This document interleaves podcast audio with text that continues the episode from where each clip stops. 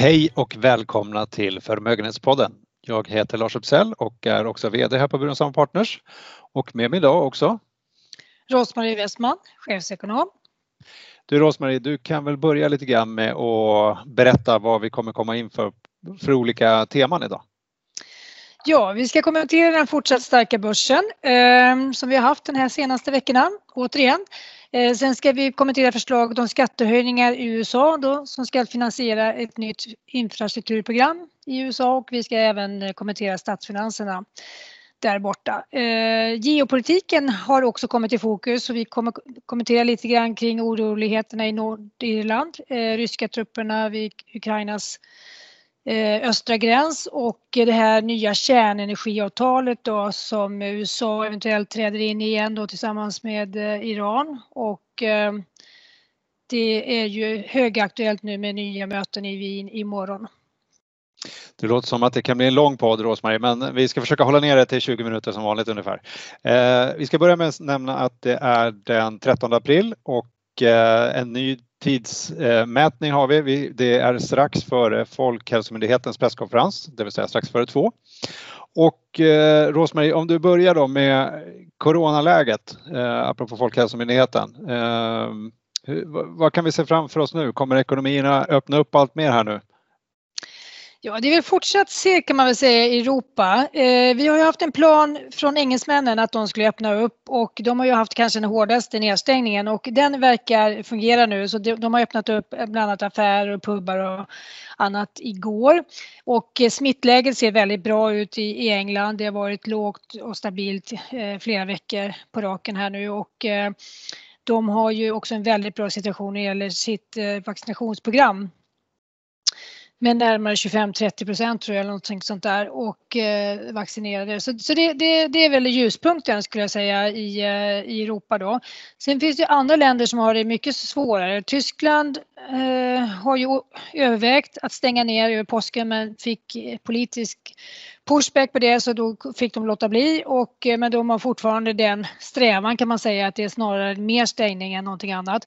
Frankrike har en hård stängning fortfarande och den är ju Eh, där ser det inte speciellt bra ut.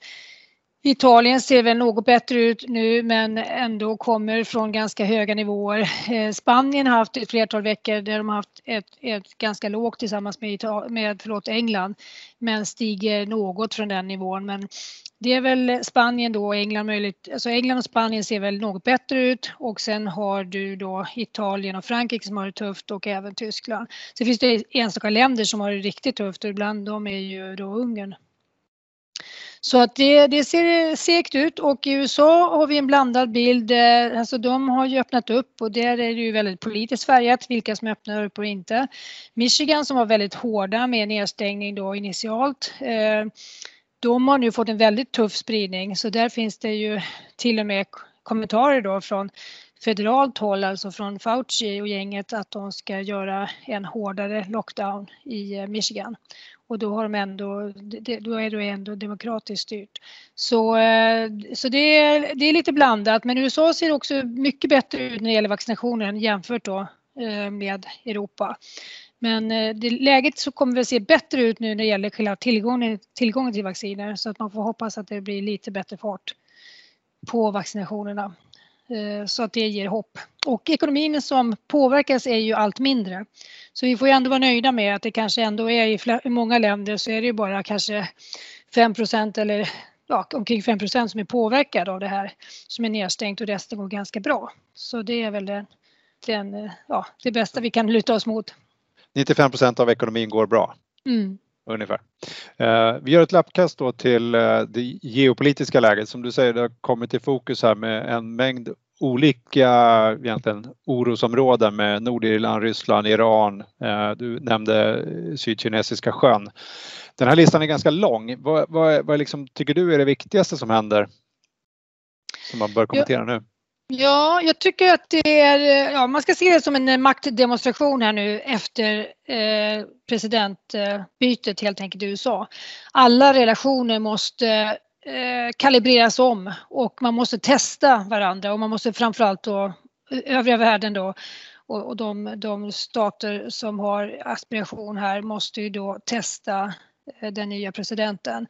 Och Trump hade ju initialt kanske en tuff linje men han hade ju en linje som kanske många förstod sig på.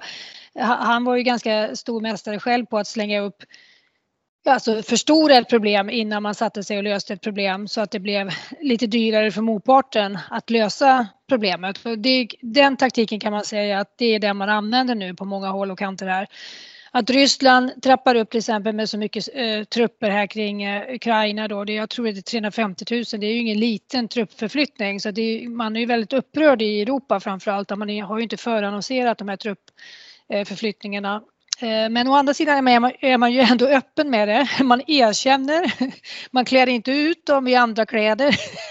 Så det kanske finns någonting som man kan ändå liksom, det här är ett öppet sätt att visa en, en, eh, maktdemonstration och det kanske är bättre än det riktigt fula greppen när man gör allting i ännu större hemlighet och, och gör överraskningsoperationer.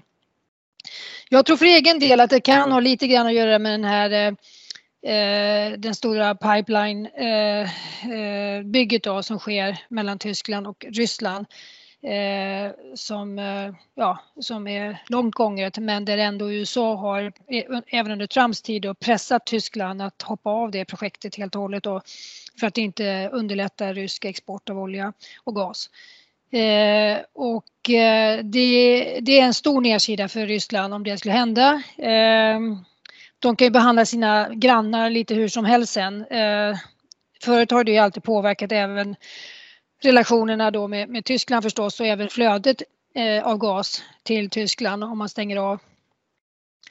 Men eh, det kommer ju inte hända längre fram sen då när, eh, när man kan eh, avleda det här helt och hållet då från, från de gamla strömmarna. Så det, det, det, Ryssland har verkligen ett stort intresse av detta på alla sätt. Alltså, jag tror att det här är ett sätt att visa att det kan kosta någonting någon annanstans om, den här inte, om, de inte, om de inte fullföljer det avtalet.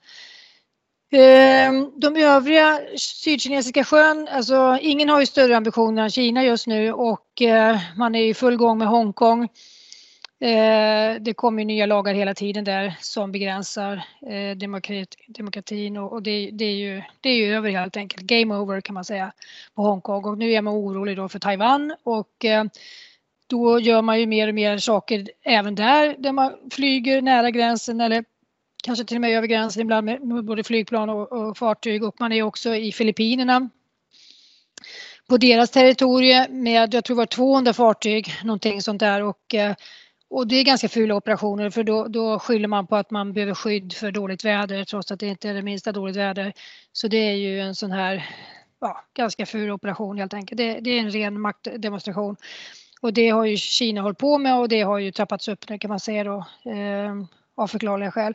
Så att eh, Biden kommer ju behöva vara mycket tuffare än Trump för att han eh, kommer ju från ett annat läge där han förväntas vara lite mjukare och då kommer han testas hårdare och testas han hårdare så kommer han vara tvungen att visa sina tänder ordentligt så att säga. Så att det, det, det är en viss osäkerhet nu men det är ingenting som jag tycker av det här på kort sikt ändå eh, som jag är orolig för att det ska gå he helt ur händerna utan jag ser det mer som att det är ett spel nu för att eh, lite grann eh, ja, inleda nya, eh, nya relationer helt enkelt. En omstart med relationerna med USA. Stor, stormakterna helt enkelt. Mm. Och Iran, det är kanske inte, det ser man ju också då att eh, USAs stöd till Saudiarabien är ju mindre nu. Och det tar ju Iran eh, förstås nytt, drar Iran nytta av förstås eh, och de, ja, de här rebellerna i Jemen och så vidare börjar skjuta på oljefälten i Saudiarabien och sådär. Så, så man, man märker att det sker en hel del nu även där då. Eh, men som sagt var det som ligger i botten, eller i potten ska jag säga, det är ju det här nya eventuella avtalet då som de kan få på kärnenergiavtalet eh, och då blir de ju av med sanktionerna vilket har varit väldigt pressande för Iran. Så det, där, där finns det ju kanske det mest reella förhandlingsresultatet på kort sikt och de, de förhandlar ju nu sedan ett antal veckor tillbaka. Då. Just det. Men Biden på hemmaplan så har vi ju pratat om hans eh, infrastrukturprogram några gånger här tidigare och, och, kan man börja se vad det där kommer, hur omfattande det kommer bli och vad det kommer beröra? Ja, det, är lite, det finns ett konkret förslag som är 2000 miljarder dollar. Eh, det ska ske på åtta år och sen kan det ytterligare bli ytterligare 1000 miljarder som berör utbildning.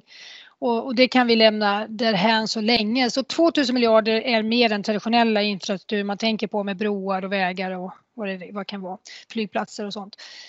Ehm, så det är ju tillräckligt stort. Det är ungefär 1 procent per år då eh, i BNP eh, som andel av BNP och, eh, och, och, det är väl vettigt på många sätt och det ska finansieras med skattehöjningar men ingen vet ju hur det kommer gå igenom kongressen och där har vi fått ett utslag då från eh, den här eh, ja, de har en funktion helt enkelt som uttalar sig om hur man ska tolka konstitutionen och normalt så hade man trott att det skulle krävas 60 röster, alltså 60 procent av de 100 ledamöterna i senaten. Men nu pratar man om att den här uttalandet då kring konstitutionen har gett dem möjlighet att ta det här genom en budgetprocess och då krävs bara enkel majoritet. Men eh, vi, vi får se, vi får avvakta det. Det skulle vara det ska ju vara lite, eh, vad ska man säga, eh, nuclear option säger man ju på engelska. Alltså det, det, är ganska aggressivt att ta det här med budgetreglerna. Eh, då kan man ju få det emot sig sen om man byter eh, majoritet sen i senaten.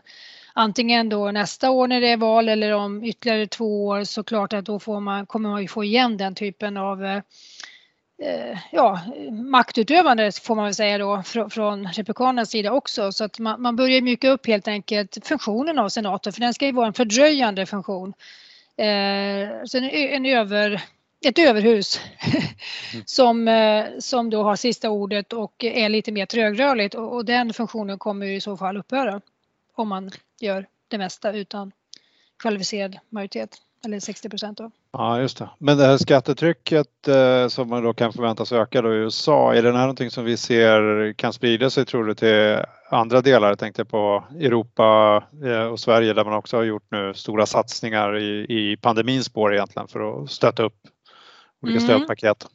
Ja, vi kan börja med att kommentera lite grann vad de har tänkt bara i USA. Det är ju att de, med eh, Trumps skattesänkningar 2018 så kom de ju ner effektivt i ränte, eller säga i, i skattesats då, från någonstans kring 20 procent till 9,7 procent just nu. Det är ju extremt lågt. Den officiella lägsta skattesatsen i USA för företagen nu, eller den generella ska jag säga, den har ju gått från 35 till 21 procent. Så 21 är den officiella men den ligger alltså på 9,7 på grund av alla avdragsmöjligheter som ändå blev eh, något begränsade då med det nya förslaget som, eller som gick igenom 2018. Eh, så att eh, den ska upp då, de här 9,7 ska upp till 15 procent, det är det som gällen säger. Eh, och ingen vet ju exakt hur detta kommer ske i detalj. Men då finns det ytterligare ett förslag som du är inne på nu och det är ju att de ska försöka påverka även ja, andra länders skattelagstiftning genom att komma överens om att multinationella bolag då ska beskattas på ett visst sätt. Eh, och det ska då vara omsättningsbaserat och det har man ju varit inne på när det gäller de digitala bolagen. Det gäller ju Google och Facebook och så vidare som då inte bokar intäkterna någon annanstans utan då på, på vissa skattemässigt fördeliga ställen som Irland och så. Att de skulle få en helt annan, ett helt annat sätt att beskatta dem då. Och, eh, så det, det är en ganska stor sak men jag tror ändå att man har börjat fundera på detta. Frankrike har varit drivande EU har varit drivande och USA har hållit emot. Så det finns nog en hel del eh, redan tänkt kring detta och hur det ska fungera. Men olika branscher har ju olika marginaler och det är inte helt lätt att eh, komma fram till vilken skattesats i så fall man ska använda om man använder den på en, eh, på en omsättning. Så det är ganska svårt, men, men man har börjat på det. Så det man ska, jag tror att det finns, det finns ett momentum nu att man vill samarbeta med USA. Man har en president där som Europa gillar. Eh, det är ju G20 man kommer inrikta sig på, men det, viktiga, det initialt viktigaste är, ju, är väl ändå att få Europa med sig skulle jag tro. Eh, men du nämnde tidigare här liksom att det också, när vi pratade innan podden också om att det kommer behövas pengar också för att du nu ska bygga välfärdsstater, eller? Mm. Jo, allting kostar ju mer och eh, sjukvården har vi ju insett på många håll att den ha, var ju nerskalad alldeles för mycket så den hade ju ingen extra kapacitet överhuvudtaget för att ta hand om någonting som händer här nu med pandemin. Och då kommer väl slutsatsen bli framåt att man måste bygga ut den. Eh, och det gäller ju många andra områden också. Det kan ju gälla allting från barnomsorg till till eh, äldrevård, till något annat. Alltså det kommer krävas ganska mycket och vi har ju andra problem kanske med säkerhet och annat ja, som kan beröra polisväsendet och annat. Så det, det, I den sitsen sitter nog de flesta länder, att de är beredda och villiga att satsa mer på sin eh, på det som är statens ansvar då, välfärdssektorn och då kommer det krävas mer pengar och då kommer man inte våga eh, initialt att höja skatterna för hushållen utan då är det företagen som blir den måltavla man behöver. De är också väldigt gynnade, de som har gått, alla har inte gått bra men de här 95 procent vi pratar om av företagen de går ju väldigt bra och har höga vinster så det, det kommer inte vara det kommer vara ganska lätt opinionsmässigt tror jag för att, att få stöd för detta. Inte från företagen själva naturligtvis men, men bland ja, bland folk i allmänhet så kommer man att tycka att det är ganska rimligt att företagen får initialt då vara först med att betala. Och det vet jag inte om människor normalt sett brukar vara. Någon annan som normalt sett inte brukar gilla skattetryck eller höjt skattetryck det är ju börserna. Men, men de har tuggat på som aldrig förr här ändå. Trots det här hotet om, om eh, höjda skatter. Vad, vad beror det på? Ja, vi har en äkta bullmarknad helt enkelt och eh, den, det, tecknet på det, det är ju att den inte bryr sig om negativa nyheter och, och det har vi verkligen ett, ett, bevis på här. Och eh, det är klart att om man ska titta på det i korta perspektivet så har det bara öst ut stimulanspaket nu, eh, framförallt i USA. Vi, vi pratar ju väldigt mycket USA här den senaste tiden. Både skriver och pratar om USA men det är ju för att det, det, det är det det händer och det är ju den också marknad som påverkar allra mest när det gäller börserna. I Kina kan vi nämna att där har det varit lite annorlunda för kineserna de har börjat eh, dra in lite grann på sina stimulanser. Kreditexpansionen ska begränsas till 20 procent och annat så där har ju då kinesiska börsen Eh, istället då gått ner 6 i, i mars. Eh, så, så, och det har ju lite grann med deras techbolag att göra också att de har varit ute efter dem eh, och bötfälla dem. Eh, så, så det har varit en helt, ett helt annat eh, sentiment då just i Kina vilket har påverkat tillväxtmarknadernas utveckling. Men hur som helst, vi har bra börser och vi har inte den här, vi har fortfarande en sektorrotation som har påverkat det här året. Men den har varit mindre accentuerad nu på slutet och även techaktierna har ju gått under mars inte lika bra men, men, men de har ändå återhämtat sig. Eh, framförallt de mest populära då som, som Microsoft och Apple och sådär. Eh, så det är inte riktigt så tydligt att de är, att man flyr så att säga techbolag på samma sätt som det kanske var där, efter de hade toppat då i, i februari. Men eh, Ja, så stimulansen har påverkat och då behöver man inte fundera, då tänker investerare i termer av att växt, vinsterna kommer växa. Och vi såg ju det redan på fjärde kvartalet att de var tillbaka. Vi hade en positiv vinsttillväxt redan i fjärde kvartalet om man jämför med året innan och nu kommer det fortsätta och snittet för året kanske blir 15 procent och sånt där. Och eh, jag tror att vi har, vi har två parametrar. Det ena är inflationen. Den kommer bli lite problematisk här för vi vet att den kommer gå upp och det är väl flaggat eh, i förväg. Men ingen har ju facit så att eh, vi har en situation där inflationen kanske går upp då i över 3% till och med i, i USA här i maj. Det finns prognoser på att den går upp till 3,5. Det som man kallar headline då, alltså det som inkluderar allt. Och sen har man ju en annan siffra som är, som är då kärninflation. Och den kanske i maj går upp till 2,5. Så vi, vi, kommer upp på ganska höga nivåer och då har Fed-chefen där borta i USA, Powell, han har sagt att det där är temporärt och det är ingenting att oroa sig för. Så det är budskapet som, som marknaden egentligen handlar på att man är lite orolig för inflation men man kör ändå på det scenariot att, eh, att det här kommer att ordna sig.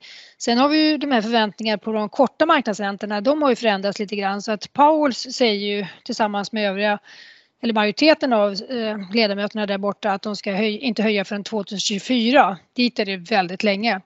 Men marknadsförväntningar om man tolkar då marknadsräntorna då kommer man höja i slutet på 2022 första höjningen. Så där finns det liksom en viss diskrepans.